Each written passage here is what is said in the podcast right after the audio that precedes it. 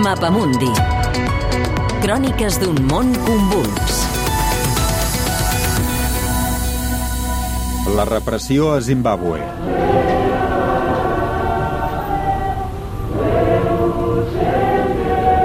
Un grup de gent aguanta espelmes i resa, mentre demana a Déu que el doctor Magombei no sigui mort. Som davant de l'Hospital Pererinyatua, el més gran i important de Zimbabue, que està desert, parat. Només hi ha aquest grup amb espelmes. Són companys i familiars del doctor que ha desaparegut per liderar la vaga. A Pererinyato aquests dies no s'atenen urgències, no es reben pacients i no es fan intervencions, com tampoc a la resta d'hospitals públics del país. Els hospitals no estan funcionant ara mateix. Apagada total és un desastre. Estem en crisi.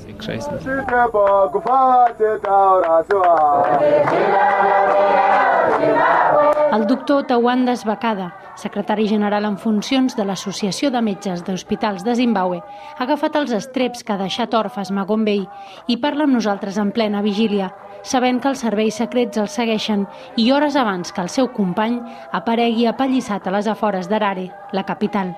Fa gairebé dos mesos que els metges de Zimbabue han aparcat visites i bisturís. El motiu és que la davallada del valor de la moneda i l'augment de preus els han deixat sense sou. No és exactament una vaga. La qüestió és que ens hem quedat sense recursos per anar a treballar. Ens hem quedat incapacitats. La nostra moneda continua devaluant-se.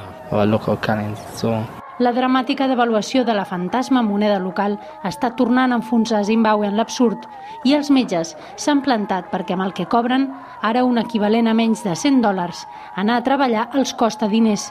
No estem demanant diners per comprar cotxes o cases per l'amor dels nostres pacients. Només estem demanant que ens donin el mínim necessari per arribar a treballar sense haver de demanar crèdit.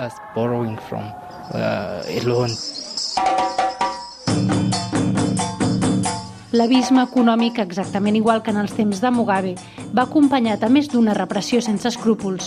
El doctor Macombei, que finalment reapareix, greument lesionat però viu, estava liderant les protestes per un salari digne quan el van capturar de casa seva.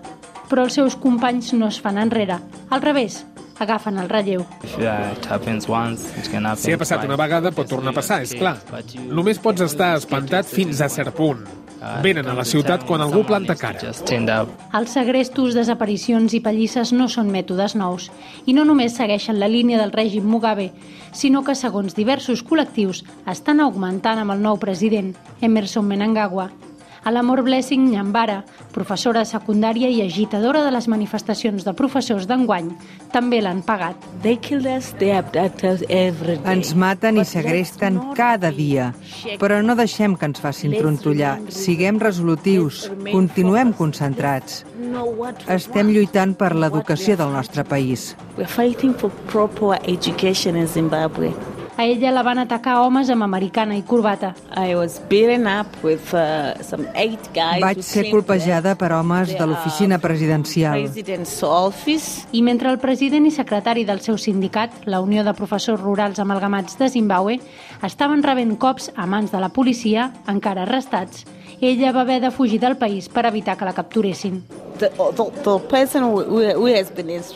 La persona encarregada de segrestar-me em va avisar perquè marxés i així no fos el lloc on m'havia d'agafar. Els metges i professors de Zimbabue no guanyen prou per anar a treballar i si protesten s'encaren el rostre més dur del nou règim.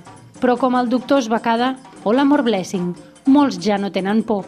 Atrapats entre la misèria i l'exili, han decidit lluitar pel país. Això que hem començat és més gran que qualsevol de nosaltres. Lluitem pel que és correcte. És un reportatge de Gemma Parellada des d'Arare amb muntatge de Marc Peirón, disponible al podcast del Mapamundi.